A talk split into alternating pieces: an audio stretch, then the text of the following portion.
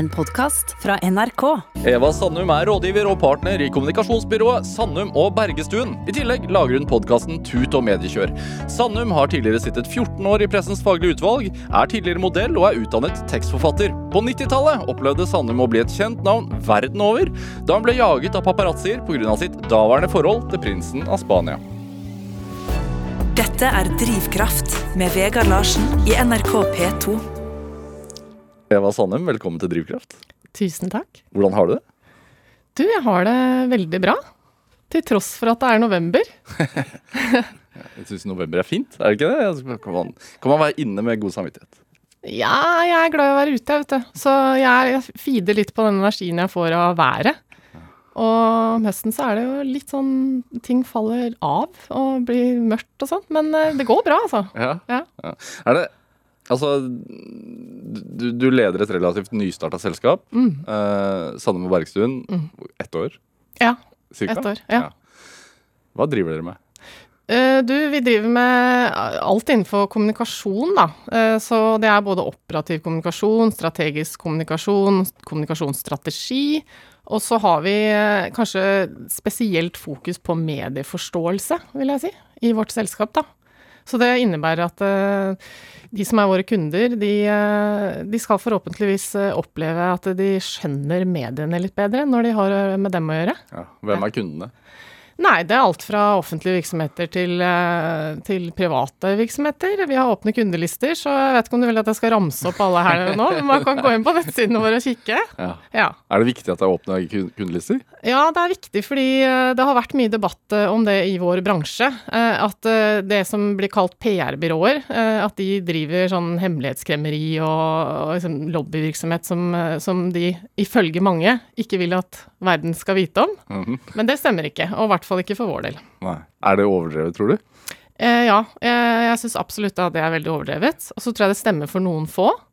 Men eh, sånn stort sett så driver han jo med ting som er helt nødvendig i samfunnet. Ja. Hjelper folk å kommunisere bedre. Altså, man kjøper seg hjelp til veldig mye annet, men det å kommunisere, som er så ekstremt viktig for en leder eller for en virksomhet, eller egentlig for de fleste, det er det ikke alle som er like gode på. og Da kan det være fint å få litt hjelp. Ja. Så det er ikke nødvendigvis kommunikasjon mot medier. Det kan også bare være at man ønsker å bli en dyktigere eh, kommunikator. Altså at man ønsker å bli flinkere til å prate med folk. Ja, ja. Det kan være prestasjonstrening, og det kan være hvordan skal jeg være flinkere i sosiale medier for virksomheten min, eller som leder. Eh, eller bare hvordan skal jeg fortelle historien overfor de ansatte, hvor vi skal, hva vi driver med. Altså det er all form for kommunikasjon, det er ikke bare opp mot medier, nei. Nei. Hvordan gjør jobb...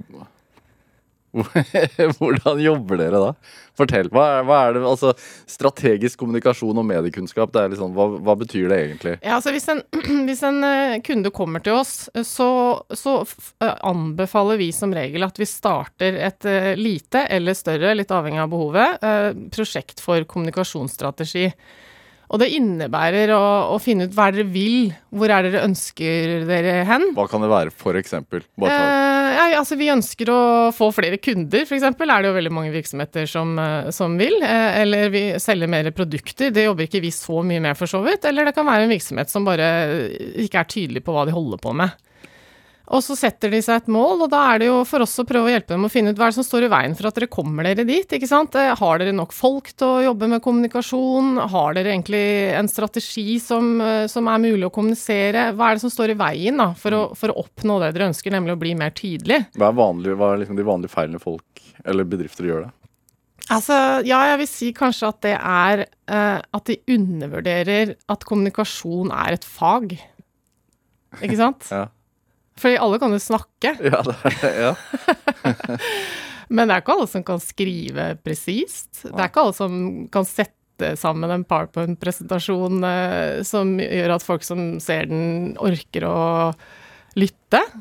Eh, og så er det jo det å sette seg strategiske mål og, og, og jobbe med tiltak som man planlegger, ikke sant? sånn at man gjør ting i riktig rekkefølge, og, og, ja, sånn at man tar riktig skritt på veien for å komme dit man vil da, mm. med, med virksomheten eller prosjektet sitt. Kan det ha mye å si? Det vil jeg si. Ja. Ja. men hva skulle jeg sagt? du kan ikke si noe annet. Jo, men jeg mener det, altså. Ja. Det, ja. Altså, folk som innser at de trenger hjelp til å bli bedre til å kommunisere, de ser jo ofte veldig tydelige resultater. Ikke sant? Oi, endelig så var jeg på radio, og jeg klarte å formidle det jeg skulle. For at eh, kommunikasjonsrådgivning kan jo også være at noen skal i Dagsnytt 18, og så trenger de sånn eh, budskapstrening osv. Det er jo én ting. Men eh, når det ikke er i en oppheta debatt, så kan det jo ofte bare være å, å hjelpe å utforme hva er min historie? Sant? Hva er det jeg ønsker å formidle, så ikke det bare blir masse rør på veien dit. Ja. Er det Man får liksom inntrykk av at en del ledere, og også kanskje politikere, har tatt for, liksom, tatt for mye PR-rådgivning. Ja. ja. Blitt veldig flinke til å ikke svare. Ja, eh, det er jeg helt enig med deg i. Og det er faktisk en ting som vi har snakka mye om på min jobb, da. Nettopp det at uh, f.eks. vi skal alltid gi råd om å svare på spørsmålet. Mm. Ikke? Ikke, bare overhør det som programlederen stiller, og begynne å bable om det du har bestemt deg for sammen med kommunikasjonsrådgiveren. Prøv å lage en overgang, svar på spørsmålet, men vær også opptatt av hva du er der for å formidle. ikke sant? Og trene på det. Det er noe man må trene på. For de fleste blir jo helt uh, utenfor kroppen når de sitter i et sånt studio som det her, Mm. og glemmer alt. på grunn av nerver. Ja, hvordan, hvordan har du det? Nei, nå, nå går det ganske bra for min del, fordi at jeg har jo drevet en podkast i uh, halvannet års tid nå. Og det har gitt Tut og mediekjør, sånn, Ja. som dere tar opp uh, Det er mediekritikk der dere tar opp saker fra media, diskuterer det. Ja. Ja. Ja, vi, vi snakker om ting som skjer i nyhetsbildet, men med et fokus på mm, presseetikk og hvordan mediene fungerer. Mm. Eh, med mål om at folk skal skjønne litt mer hvordan, eh, hvordan journalistikken fungerer, rett og slett. da. Og det, mm, det at jeg er da i studio ukentlig, det er sånn, hva skal jeg si, live on tape, da. Det vil si at vi sitter jo ikke direkte sånn som vi to gjør nå. Men, eh, men vi tar opp med mål om at ikke det skal være så mye etterredigering, da. Eh, og, det, er trening. ikke sant? Da, etter at det har gått et år, da, så kjenner man jo at man kan skli inn på et bananskall, og at det fremdeles går bra. Men hvorfor er det viktig at folk skjønner hvordan ting, altså mediene funker? Nei, altså, jeg hadde jo en, eh, en veldig sterk opplevelse av det selv, så det er nok min motivasjon, da, eh, langt tilbake. Nemlig det at, som du sa i innledningen her, at jeg var et slags ja, medieoffer, eller jeg var et objekt for mediene i noen år. Fordi jeg da var eh, kjæreste med kronprinsen i Spania, og, eh, og opplevde at eh, det var så massivt, det trykket som kom fra veldig mange medier på en gang, at jeg bare fikk en sånn Åh jeg, Alt som hadde med medier å gjøre, og pressen å gjøre, var veldig sånn forbundet med angst for min del. Og det var ingenting positivt. Og så, da dette var over, og jeg ble invitert inn i Pressens faglige utvalg, så satt jeg rundt bordet med Pressens faglige utvalg, hva, hva er det? det er pressens selvdømmeordning. Så det er jo en gjeng da, eh, med pressefolk og representanter fra allmennheten som sitter og vurderer klager som folk har sendt inn på, på ting som er publisert i mediene. Og så satt jeg der um, sammen med redaktører og journalister, og, og ettersom tiden gikk, så merka jeg at det, Men her gjøres det jo utrolig mye mer tankearbeid og flere vurderinger, og det er mye mer etikk, og det er en du varsom trodde. Ja. Så jeg ble rett og slett imponert. Og så tenkte jeg at det, dette burde jo flere egentlig forstå mer av. Altså det er jo til alles fordel at, eh, at folk skjønner hvordan journalister tenker, og at de jobber etter et ganske strengt etisk regelverk, da. Så det er kanskje noe av motivasjonen eh, som jeg da fikk til å, til å ja, tenke at eh, dette burde jeg liksom Kan jeg gjøre noe for å formidle dette her videre? Alt det jeg har lært, noen flere burde høre om det. Så det er noe jeg har tenkt på egentlig i ganske mange år, da. Hvordan er Jeg vil gjerne snakke mer om akkurat det, men sånn i forhold til uh, kommunikasjonsbyrået, altså Sandum Bergstuen, hvordan er en vanlig arbeidsdag? Altså Kan dere få en kunde som bare ønsker rådgivning én dag, eller er det langvarig, eller hvordan? Ja, altså det er mange som driver det som man kaller PR-byrå, eh, som vi ikke liker så godt fordi at det er litt eh, Mm. Det er et PR-byrå. Det har blitt litt belasta. Ja da, det er jo et PR-byrå. Uh, Eller et kommunikasjonsbyrå, da, fordi at vi driver med så mye mer enn det som folk oppfatter som PR. Men ja, absolutt. Eh, da prøver jo vi å unngå å få sånne kaste seg rundt-oppgaver. vi, vi ønsker å jobbe mer strategisk og være sånn eh, trusted advisor, på en måte. Altså samarbeide med bra folk, kunder, over tid, da. Sånn at man kommer til et sted eh, med små skritt eh, på veien, ikke sant. Eh, Små kommunikasjonsuttak eh, underveis, eh, som er strategisk fundert. Men ja, det kan jo være at de eksisterende kundene våre eller andre trenger hjelp til en eller annen krise de har havna i, og det kan vi absolutt hjelpe til med, ja.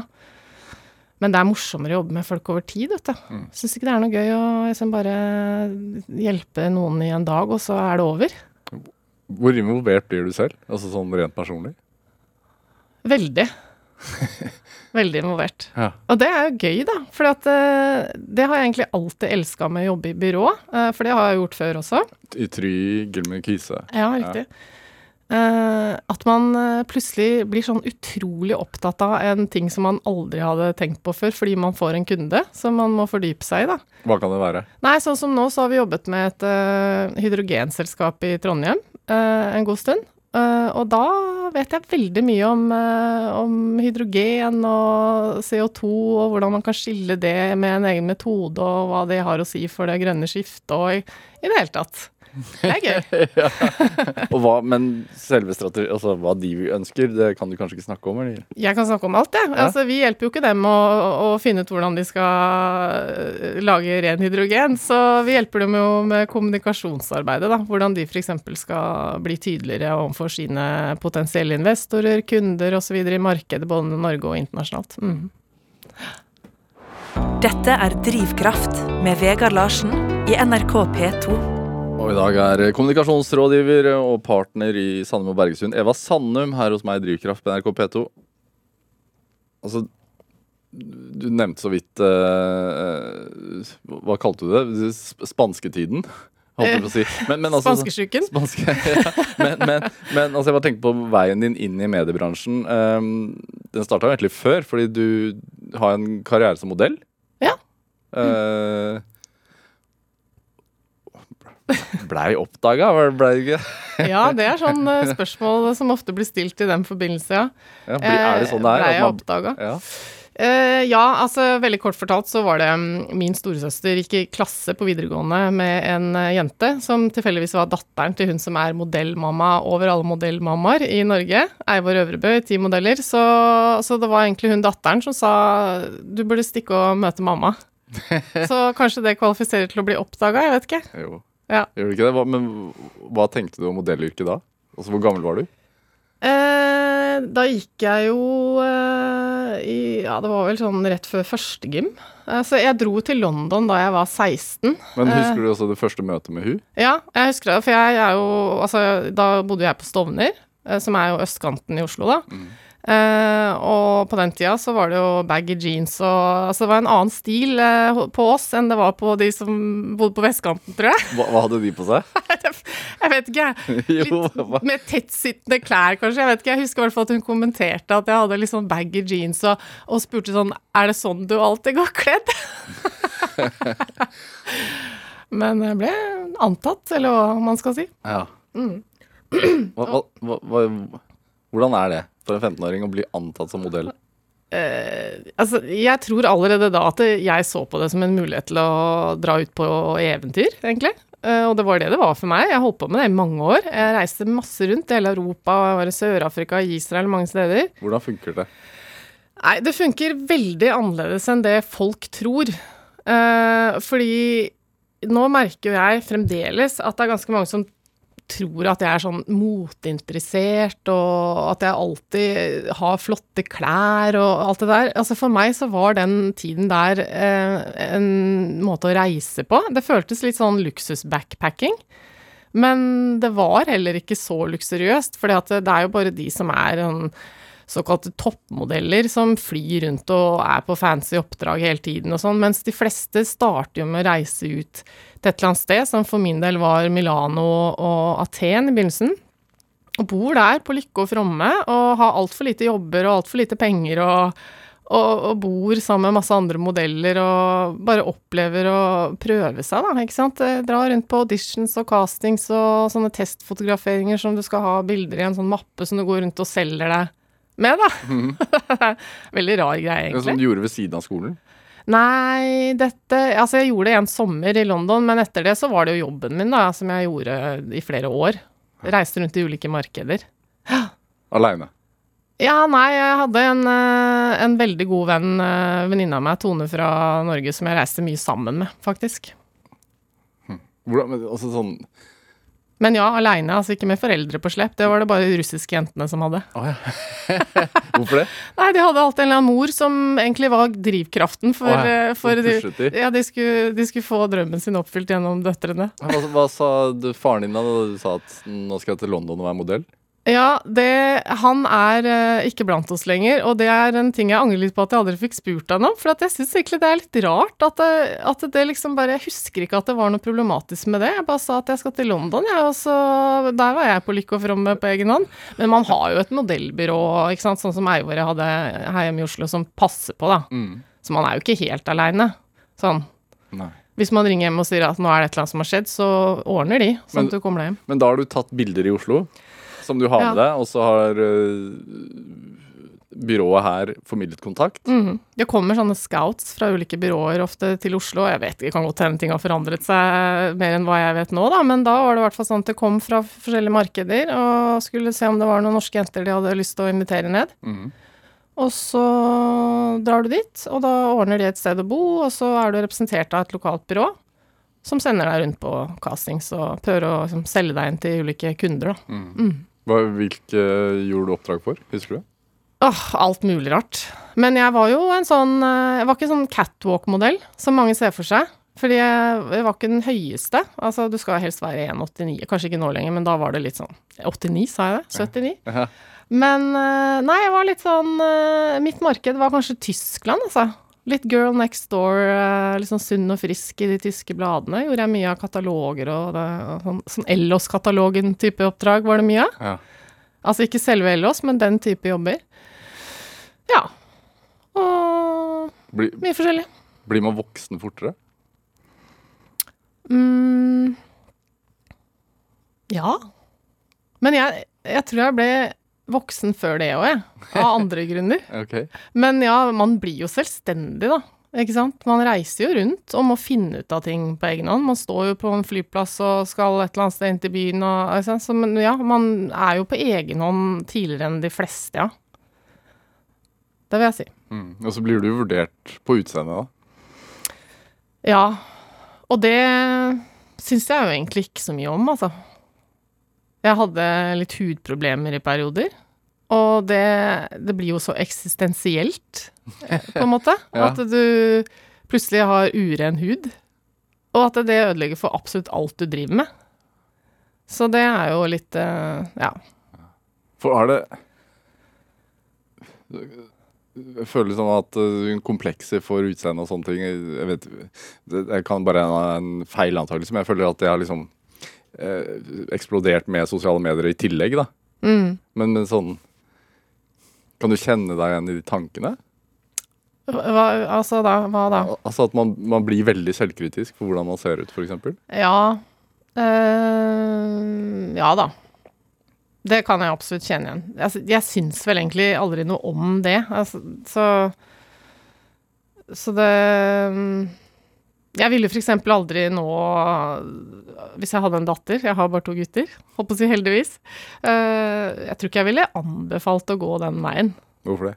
Nei, fordi det er litt sånn Nei, jeg vet ikke, jeg er redd for å si noe feil, men i mitt hode så er det liksom litt belasta, det derre hysteriet rundt eh, skjønnhet.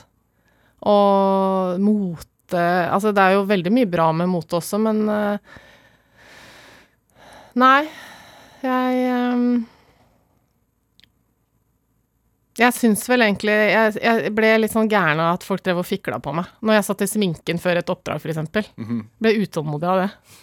At det var så mye Meninger? var så, Ja, og så mye greier som var så viktig med liksom den eyelineren og sånn. Det var på en måte ikke helt på den Nei. Nei. Hvor lenge holdt du på med det? Nei, det var vel en syv års tid, faktisk. Oi. Ja. Fulltid. Hvor, hvor hardt Jeg drev og studerte litt, eh, leste tysk og spansk og sånn på universiteten mens jeg bodde forskjellige steder, da. Men ja. Hvor eh, utfordrende er det, altså sånn jobbmessig? Du har jo drevet med andre ting siden. Altså, det er mye mer utfordring i den jobben jeg gjør nå. Mm. Mye mer faglig utfordrende. Absolutt. Men- Der handler det om å holde seg noenlunde slank og ha fin hud. Men hvorfor valgte du å slutte da? Nei, man må jo videre. For min del så var det at jeg, jeg lengta faktisk hjem. Jeg, jeg syns det var kjempegøy å bo i utlandet. For det som er fint med en sånn type reising, er jo at man er lenge nok et sted til å bli litt lokal. Eh, så man bor ikke på hotell og er der på langhelg eh, sånn som man er når man er på ferie, da. Så det syns jeg var veldig fint, å bli kjent med alle stedene jeg bodde. Over flere måneder. Um, men etter hvert så kjente jeg at jeg savna det å være påkobla den verden jeg var i, ikke sant. Fordi når du er norsk i Tyskland eller norsk i Frankrike og sånn, så, så følger du jo ikke med på samfunnsdebatten som foregår der hvor du er og sånn, og det begynte jeg å savne. savne.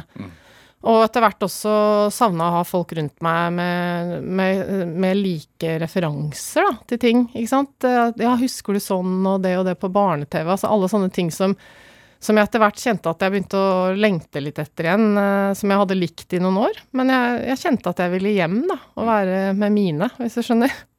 Mm. Men blir man tett med de andre? Ja da, absolutt. Jeg har masse gode venner fra overalt i verden som jeg fremdeles er god venn med. Som bare har, altså fordi dere kan dele erfaringer sikkert som ikke så veldig mange andre kan. Da. Ja ja, vi var i Aten eh, på reunion eh, 25 år etterpå. er det sant? Gjeng. Ja, det hvordan var det? Helt nydelig. Alle var jo litt stressa på 'jeg er jo ikke som jeg en gang var', og alle var sikkert eh, kjempenervøse for å, for å treffes der. Og så tok det tre minutter, og så var vi bare tilbake til gamle dager. Men hvordan er det Altså, du slutter å ønske deg hjem og ha en mer normal tilværelse, og så havner du plutselig i det spanske kongehuset. Ja, eller det skjedde jo underveis her, da. Ja. Eh, det, altså, jeg havna jo i det spanske kongehuset, hvis man kan si det på den måten, eh, mens dette her pågikk. Ja. Så jeg var jo i Spania for å jobbe som modell. Det var jo sånn det begynte. Hvordan Og Du ble jo kjæreste med prins Felipe, og hvordan var det fra Altså, en forelskelse er jo en forelskelse. Og, og man treffer noen, man blir forelsket, og så er det litt sånn som i Jeg vet ikke, men jeg ser for meg Notting Hill-filmen. Med Du vet den? Ja. Ja da. ja. Følte du deg som Hugh Grant? uh, ja. Ja. Ja, kanskje litt. Gikk ut fra Åpne døren, og så sto hele presseverdenen utenfor Ja. og tok bilder. Egentlig et godt bilde. Det, jeg følte meg nok litt sånn. Altså, det er som du sier, da, ikke sant, at uh, det er som en normal forelskelse, ja. Men, uh, men så er det jo med en gang det eh, det blir kjent, da, sånn som det ble på et tidspunkt for min del, så er det jo ingenting som er privat lenger, ikke sant. Og det som er utfordringen da, er jo at som alle andre, altså jeg var i begynnelsen av 20-åra, så prøver man egentlig bare å finne ut av eh, Er dette her liv laga? Altså, har vi det som skal til for å være et eh, bra par eh, på sikt? Ikke sant? Er jeg forelska, eller er jeg bare fascinert av noe? Altså, sånn som alle andre driver og lurer på. Mm. Men mens man er i alle de spørsmålene der, så er det en helt annen verden som foregår parallelt, som styrer narrativet. 100 og som er opptatt av å finne ut om du er god nok, om du kommer fra riktig bakgrunn, om du står for de riktige tingene, og så driver du og løper etter deg på alle reiser, undersøker uh, hva du har spist ved å gå gjennom søpla di. Uh, altså faktisk? Ja, ja, altså alt mulig. Nei. Wow. Ja, men eh, jeg tror Du snakket om presseetikk. Den eksisterte kanskje ikke der, da. Nei, men det som er Jeg var jo eh, Det var nok litt ekstra massivt for meg, fordi eh, det var jo ikke bare norsk presse, det var spansk presse. Ja. Og en del annen utenlandsk presse. Tysk, britisk. Ja, ja. Så, men kanskje spesielt det med den spanske pressen, fordi da jeg begynte på Westerdals, som var da etter at jeg hadde flyttet hjem, var litt ferdig med de modellårene, begynte å studere, så bodde jeg jo hjemme, ikke sant, og hadde da veldig mye journalister som nærmest bodde i Norge, bare for å prøve å finne ut av hva jeg drev med til enhver tid. Ja. Så det var sånn eh, at jeg tenkte eh, på et tidspunkt at eh, hvis jeg nå bare bestemmer meg for et antrekk som jeg kan ha på meg hele tiden, bare kjøper samme bukser og genser og sånn, sånn at jeg, hver gang jeg går ut av døra om morgenen på vei til skolen, så bare ser jeg helt lik ut. Kommer de til å slutte da, tenkte jeg. Ja. For det var liksom alltid sånn ta bilde og løpe, har, har en vått hår, har en tørt hår. Eh, Føltes det som for min del, da, ikke sant. Hva er det dere er ute etter, tenkte jeg. Det er, altså, hva er det, jeg skal bare på skolen. Men det er helt, det er helt surrealistisk. Ja, det skal jeg love deg at det var. Ja. Ja, ja. Altså, hvor mye jeg hoppa ut av vinduer i bakgården og kledde meg ut for å gå ned i vaskekjelleren og ut av en annen dør, så de ikke de skulle se meg når jeg gikk ut. Hvis jeg skulle noe som jeg ikke orka tanken på at de skulle følge etter, da. Hvordan er det relasjoner med familie og venner og sånn da? Um, altså, jeg tror jeg var ganske heldig, for det var veldig lite sånn som lakk av historier om meg. Eh, Jeg vet at de prøvde, både norsk og utenlandsk presse, å ringe rundt til gamle skolevenner og sånn, men jeg tror de hadde fått feil klasseliste, eller alle de gode vennene mine gikk i parallellklassen, så de ringte bare feil folk, rett og slett. Ja. Men, ehm, men det var eh, litt ubehagelig fordi eh, på et tidspunkt der så var det sånn at veldig mye av det vi foretok oss, det lakk på et eller annet vis sant, til den tabloide pressen. da, At vi hadde vært en helg der eller vært og reist sånn og sånn, og at det plutselig dukka opp fotografer på de underligste steder. Og, så det gjorde at hvis jeg skulle f.eks. på en helgetur til et sted, så fortalte jo ikke jeg det til mine nærmeste venner. Fordi jeg orka ikke tanken på at jeg skulle begynne å mistenke dem for å ha fortalt det til noen. Så jeg, så jeg drev sånne strategier for meg selv. Det var jo veldig slitsomt, ikke sant. Du var sånn Jeg vil egentlig beholde deg som venn, så jeg tør ikke å fortelle deg det på et Ja, vis. på et vis. Eh, og at uh, på, på slutten der, når jeg ble litt mer proff, så drev jeg også noen ganger, hvis det var noen mistanker, ikke blant mine nærmeste venner, da, men sånn at jeg kunne, um, kunne fortelle litt ulike versjoner av ting. Sånn at jeg eventuelt kunne se hvis noe kom ut, hvor er det det kommer fra? Hvis det, ja. Så det er jo, altså, når man må holde på sånn, da er det jo ikke bra. Nei. Skulle ønske du kunne ringe, ringe Sandum og Bergstuen, da. Egentlig. Ja. Jeg, eh, jeg fikk jo ikke så mye hjelp, nei. Jeg savna det på den tida. Jeg fikk bare hjelp av de som sto meg nær og sånn, men eh, etter hvert så søkte jeg litt råd hos enkelte, annet noen sånn kommunikasjonsrådgivere. Men det rådet jeg fikk, var at jeg burde gi et intervju, Mm. og det ville jeg ikke. Hvorfor det? Nei, for at eh, jeg Jeg tenkte, og som jeg fortsatt står for, egentlig, for jeg ser at det blir bekreftet eh, nå også med andre, at eh, i det øyeblikket jeg gir et åpenhjertig og personlig intervju, så har jeg på en måte tråkket over en grense, gått over den terskelen som, som er at jeg inviterer inn. Mm. At jeg aksepterer at jeg er offentlig interessant. Så for meg så var det veldig sånn, nei, jeg, jeg skal ikke Altså, det er ingen kommentar, ingen kommentar. Selv om jeg, jeg så når jeg kikka tilbake her for en stund siden, så oppdaga jeg at jeg hadde gitt et bitte lite intervju til VG sånn helt til starten. En kopp kaffe mens jeg var hjemme på juleferie eller noe sånt, som jeg ble litt overrasket. Jeg tenkte jøss, gjorde jeg det? Etter det første Men det var nok før jeg innså hvor det bar hen, da. Hvilket råd vil du gitt deg selv, da? Sånn i dag. Uh, nei, det var vanskelig å svare på. Jeg tror uh, Jeg syns jo at jeg, om det er lov å si, syns jeg har gjort mye riktig. Jo, men du forble jo Du var jo veldig mystisk. Ja, og det var det. ikke meningen å være mystisk, men det var meningen å beskytte meg selv. Ja. Ja, jeg følte et veldig behov for å lage sånn skall rundt meg.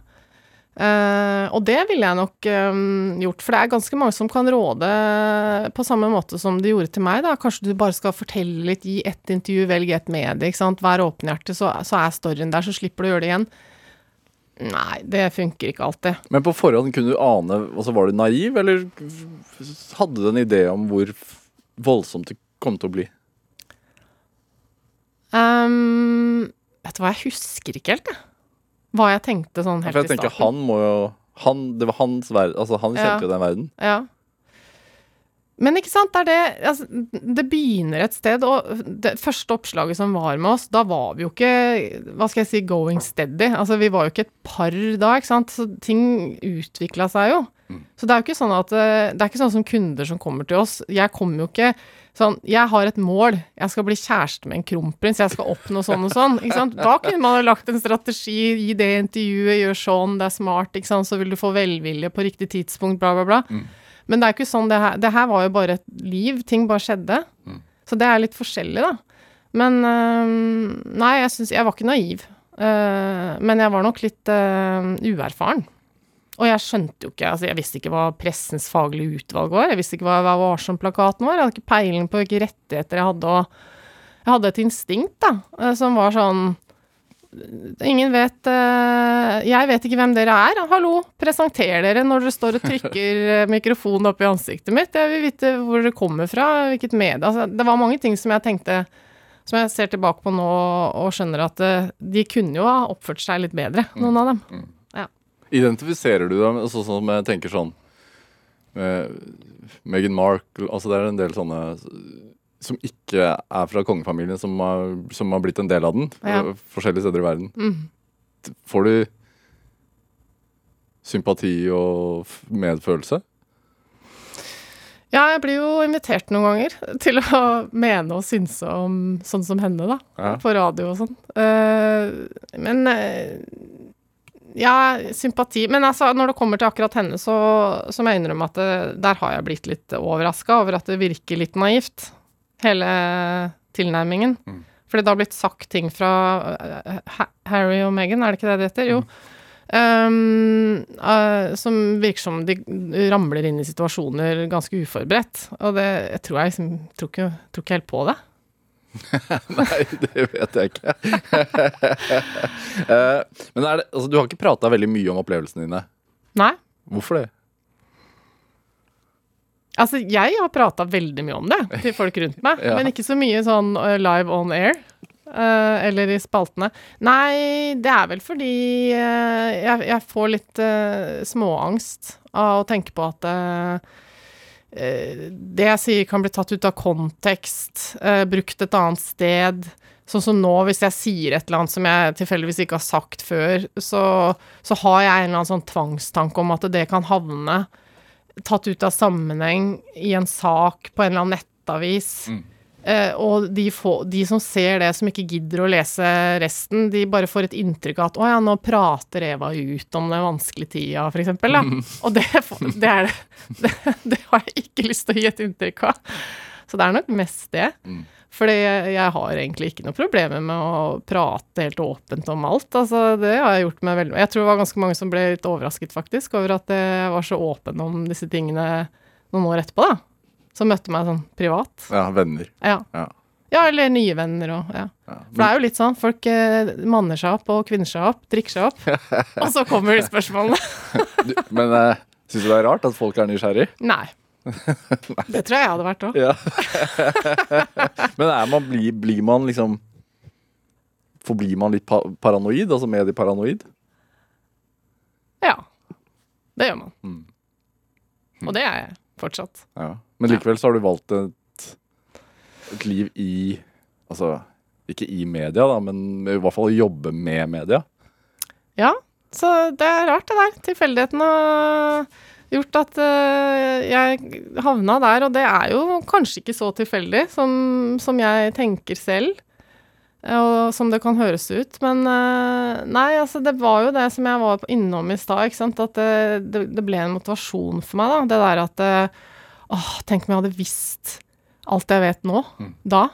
Hvor mye bedre jeg kunne tatt kontroll over situasjonen, og hvor mye bedre jeg kunne hatt det ved å vite at dette her er ikke greit, og satt ned foten og, og sånne ting. Så, mm, så det ble en eh, det ble en motivasjon for meg, det, da, å, å se om jeg kunne bruke det til noe, og kanskje dele det videre på et vis. Ja. Kunne blitt dronning, da. Ja. Jeg kunne det.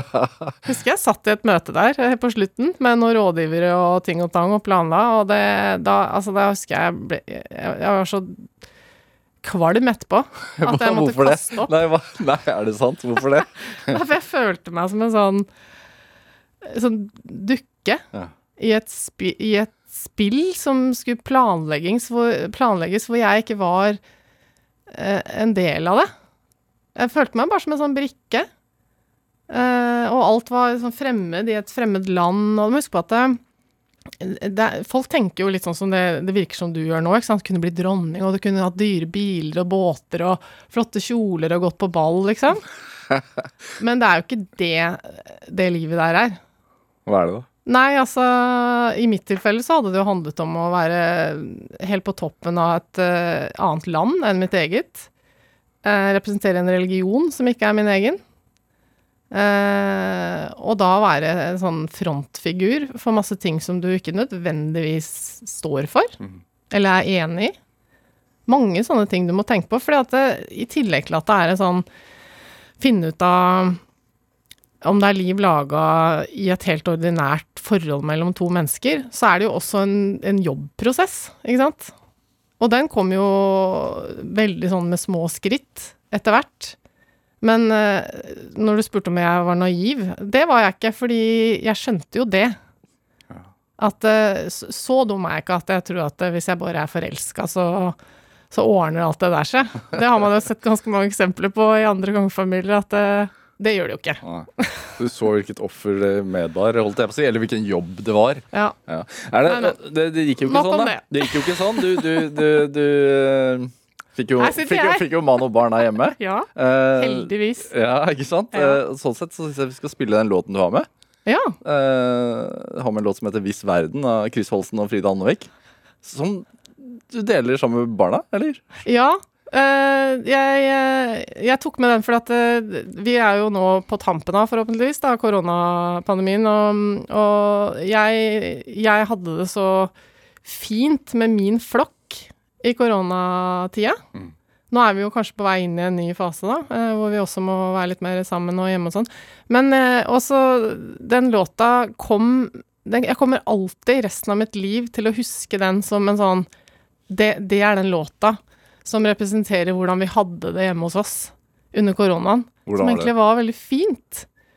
Jeg eh, ble roligere Altså, jeg er jo en veldig utålmodig og rastløs person, og det var jeg for så vidt litt i starten der og måtte ut og sykle og sånn, men, eh, men vi hadde det fint sånn hjemme. Vi var heldige. Mm. Vi hadde ikke noen problemer. Det var god stemning. Jeg mista den derre FOMO-greia som Fair of missing out. ja, ja. som driver meg litt noen ganger. og sønnen min eh, også, som er ti år nå. Han også Vi to kunne sitte og synge med den på full guffe i bilen når vi kjørte til butikken og sånn koronaen. At det liksom Ja, den representerer den tida, da, veldig for meg. Hvor viktig er det å ha en sånn flokk? Åh, det er alt. Skal vi høre? Ja.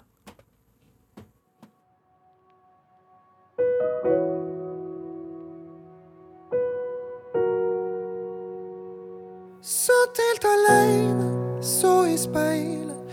Jeg kan ikke si jeg kjente bakken begynte å skjelve, men det fikk meg til å tenke. Håper alt er bra. Er du ute og drikker med noen venner, eller slapper av? Det har gått et år, og det er ting jeg forstår nå. Og la det være over, ikke del alt vi bar på. Og jeg vet, du vet, vi vet, var ikke klar for for alltid det er streit. Og jeg vet, du vet, vi vet, folket ment for hverandre, det er greit. Men hvis verden raser sammen, så er dette sagt. Du kommer hit, blir over her i natt. Bare gjøre det vi gjorde før. For hvem bryr seg med hva vi to gjør? Hvis verden raser sammen, så er dette sagt. Hvis sånn går over, holder jeg deg fast. Og hvis dette er et takk for alt deg og meg jeg ville valgt? Hvis verden raser sammen, så er dette søkt. Søkt.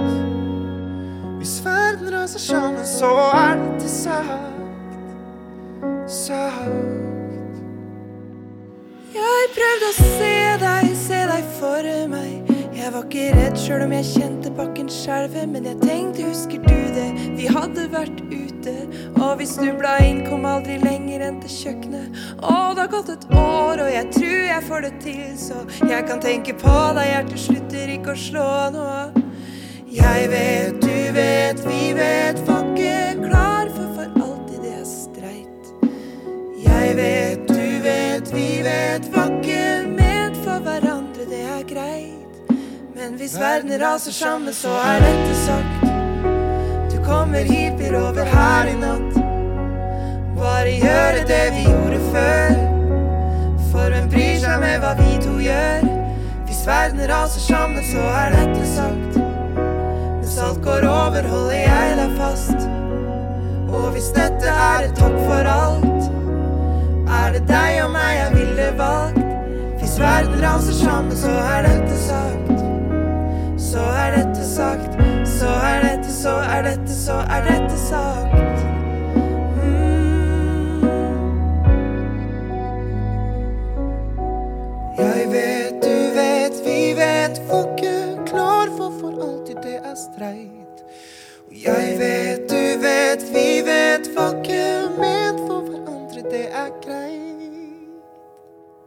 Men hvis verden raser sammen, så er dette sagt. Kommer hit, blir over her i natt. Bare gjøre det vi gjorde før. For en bryr seg med hva vi to gjør? Hvis verden raser sammen, så er dette sagt. Mens alt går over, holder jeg deg fast. Og hvis dette er et takk for alt, er det deg og meg jeg ville valgt. Hvis verden raser sammen, så er dette sagt. Så er dette, så er dette, så er dette sagt. Ja, du fikk eh, låten 'Hvis verden' av Chris Holsten og Frida Ånevik her i Drivkraft på NRK P2, valgt av dagens gjest her i Drivkraft, nemlig rådgiver og partner i kommunikasjonsbyrået Sandum og Bergestuen, Eva Sandum. Hvordan fant du ut at du ville liksom jobbe med å påvirke medieverden?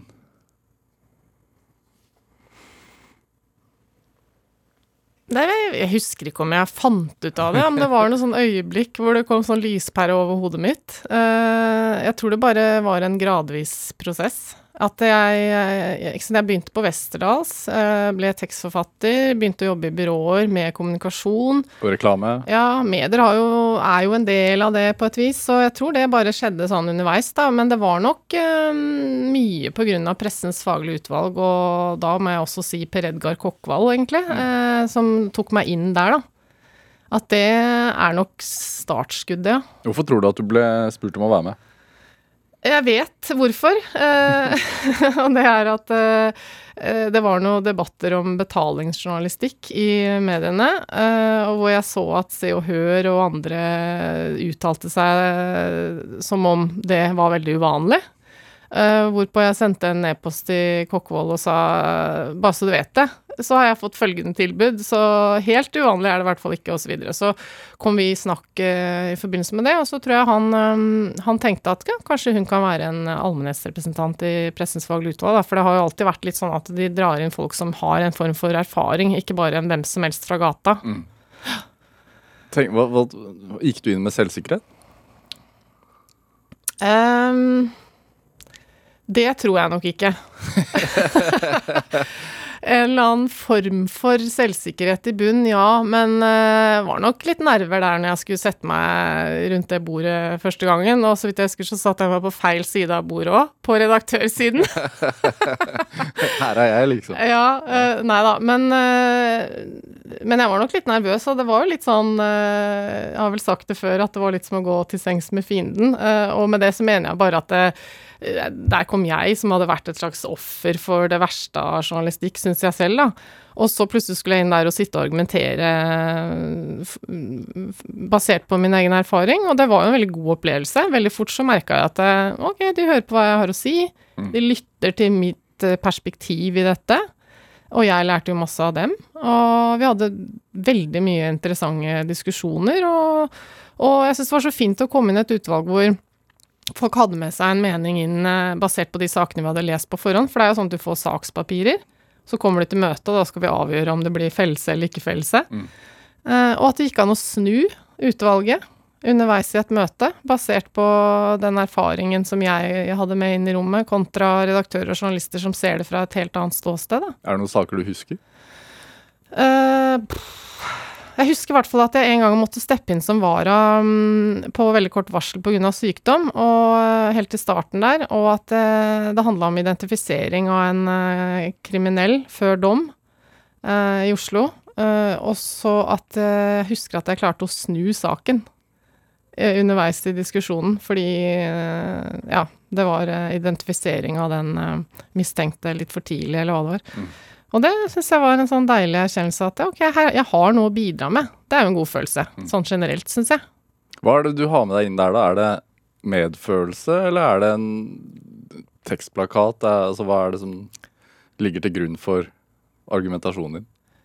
Nei, altså, det er jo Vær varsom-plakaten eh, til pressen som ligger til grunn for, eh, for hele eh, pressens faglige utvalg, så det er jo det man må vise til. Da. Man kan ikke bare sitte og stikke fingeren i været og, og synse, for så vidt. Men det er jo, sant, det er jo etikk, det er jo ikke juss. og det er veldig mye som blir Som må tolkes, ikke sant. Hver sak er ulik. Så Vær varsom-plakaten er jo retningslinjer. Um, ja, så jeg tror det bare handler om at eh, folk som har ulik bakgrunn, kommer da inn og setter seg rundt det bordet med litt sånn ulik innfallsvinkel, da, og kan se ting Kanskje jeg kunne se ting litt mer fra medieobjektenes side, fra klagernes side, men det var ikke sånn at jeg kom inn og alltid tenkte at nå skal jeg være på den siden. Jeg har jo vært eh, på motsatt side noen ganger også, Mm. så det er det jeg syns var fint, da. Hvorfor er det viktig at PFU PFUF eksisterer? Ja, så Den selvdømmeordningen som vi har uh, i norsk presse, er jo unik. I veldig mange andre land så er jo eh, Så er jo mediene styrt av staten. Det har jo sine utfordringer. Og i veldig mange land så opplever man at mediene bare enten durer på uten at man har noe sted å gå, annet enn til advokater. Eller at mediene bare er et sånn talerør for, for myndighetene da, i de landene som vi ikke liker å sammenligne oss med. Så det er, det er viktig at eh, pressen tar ansvar for hva de selv driver med. Jeg syns det er en veldig bra ting, da, men det forutsetter jo at, eh, at det funker. At de har allmennhetsrepresentanter, og at ikke de bare kjører på med sin egen logikk. For det er det jeg kanskje syns er utfordringen noen ganger, og som er eh, kanskje grunnlaget for den podkasten som jeg nå er med i. Mm, at eh, så syns jeg litt for ofte at eh, mediene lever i sin egen sånn logikkboble. Hva er det? Nei, det er eh, Sånn er journalistikken. sånn fungerer det. Ja. Eh, vi er fjerde statsmakt. Vi vifter med? Sånn- ytringsfrihet og pressefrihet og åpenhet. Altså, yeah. og alt Er er, jeg jo enig i. Jo, men, eh, men utfordringen er eh, Og nå skal det sies at jeg syns det har blitt veldig mye bedre, faktisk, i det siste, da. Men, eh, men det er et problem hvis, hvis folk ikke er med på det. Hvis det er for mye avstand mellom folk og mediene.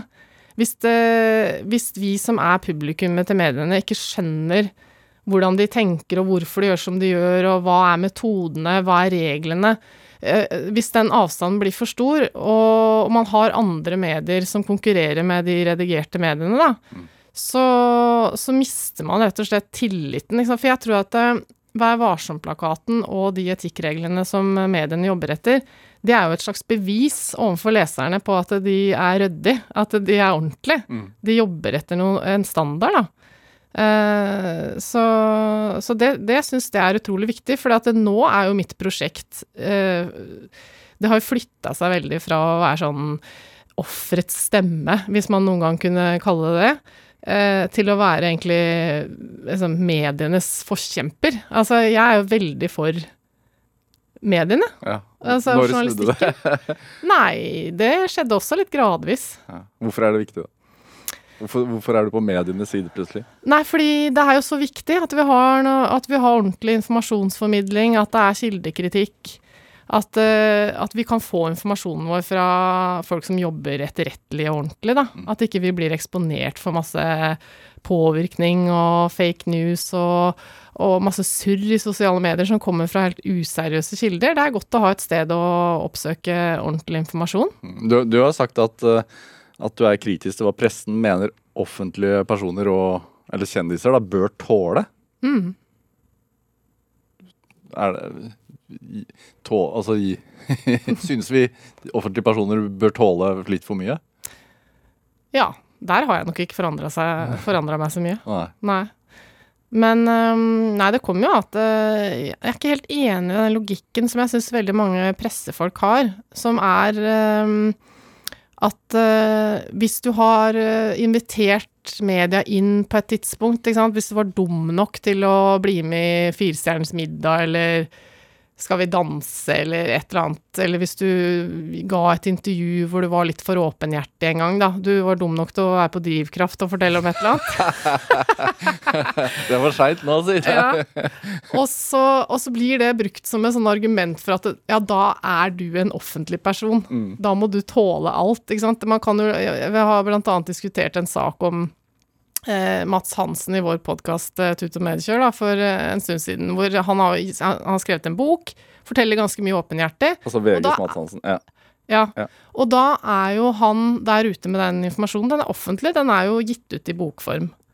Men samtidig så, så kan da noen presse noen redaksjoner, som f.eks. Se og Hør, eller kunne vært VG Dagbladet, hva som helst egentlig, bare skrive om det sånn helt uten videre, og lage saker på det. Og sånn er det i dag. Mm. Ikke sant? Når du velger å gå ut med historien din, så er den der ute, og da kan du ikke trekke den tilbake. Men, øh, men det jeg er litt opptatt av, er at ikke sant, nå blir folk kjendiser altfor unge. Folk er jo på Instagram fra de er 14 år, og altså, mange bygger seg opp et offentlig liv, da. Som de selv øh, har en viss kontroll på i starten. Fordi de poster det de vil dele med andre og sånn. Men det er noe med at det, det er sånn verden har blitt nå, at altfor mange liksom kaster seg ut i det i offentligheten uten å ha hatt mulighet til å tenke seg om.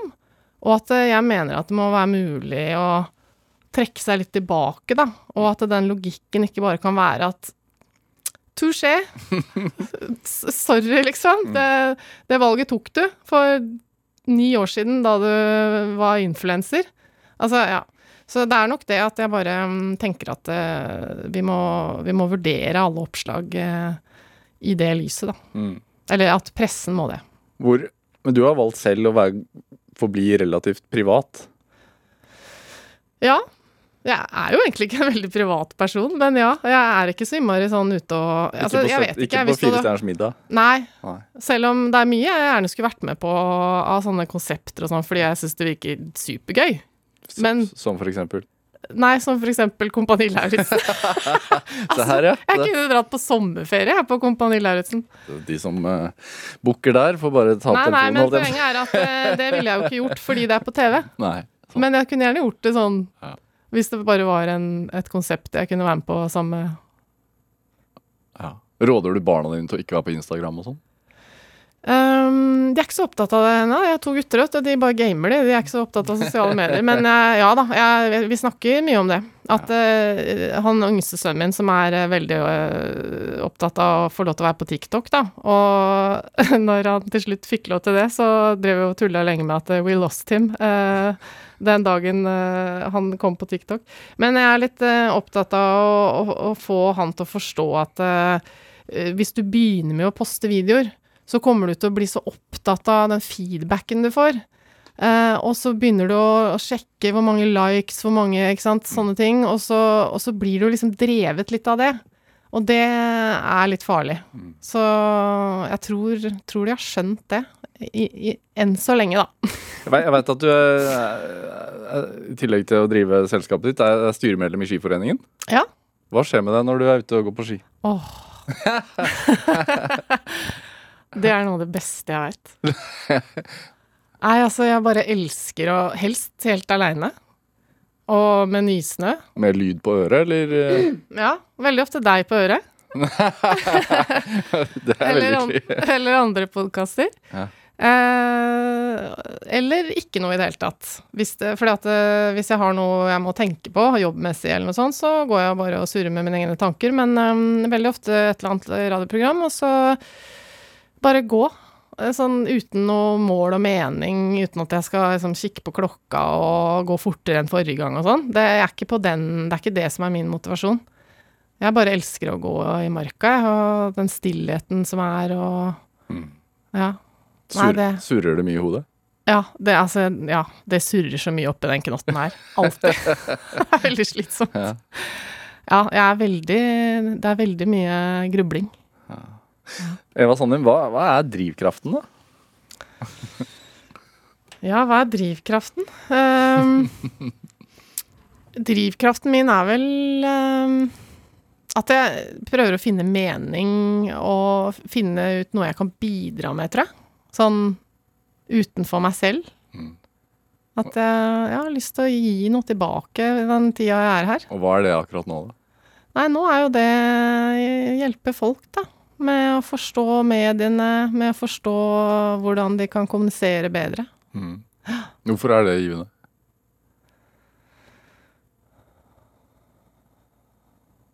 Nei, det er jo givende å se at uh, folk mestrer vanskelige ting, kanskje.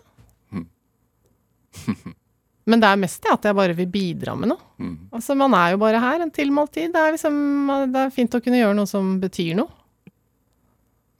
Eva Sandum, tusen takk for at du kom til Drivkraft. Selv takk. Får du høre på deg selv da, neste gang du går på ski? Eh, det tror jeg ikke. Gjør du det? Hører du på egne podkaster? Bare hvis vi må vurdere noe klipping og sånn. Ja, Er du selvkritisk? Eh, veldig. Det, an- det ante meg faktisk. Takk for besøket. Takk like. Hør flere samtaler i appen eh, NRK Radio. Der finner du en oversikt over samtlige som har vært gjester her i Drivkraft. Du kan også følge oss på Instagram på NRK Drivkraft. Der har du et bilde av alle gjestene, så kan du enklere eh, søke de opp. Eh, send oss også gjerne ris og ros og tips til mennesker som du mener har drivkraft. Send den mailen til drivkraft.krøllalfa.nrk.no. Vi hører gjerne fra deg. Produsent og researcher i dag, det var Julia Martincic. Anne Sofie Stang bidro også til denne sendingen. Jeg heter Vegard Larsen. Vi høres. Du har hørt en podkast fra NRK. De nyeste episodene hører du først i appen NRK Radio.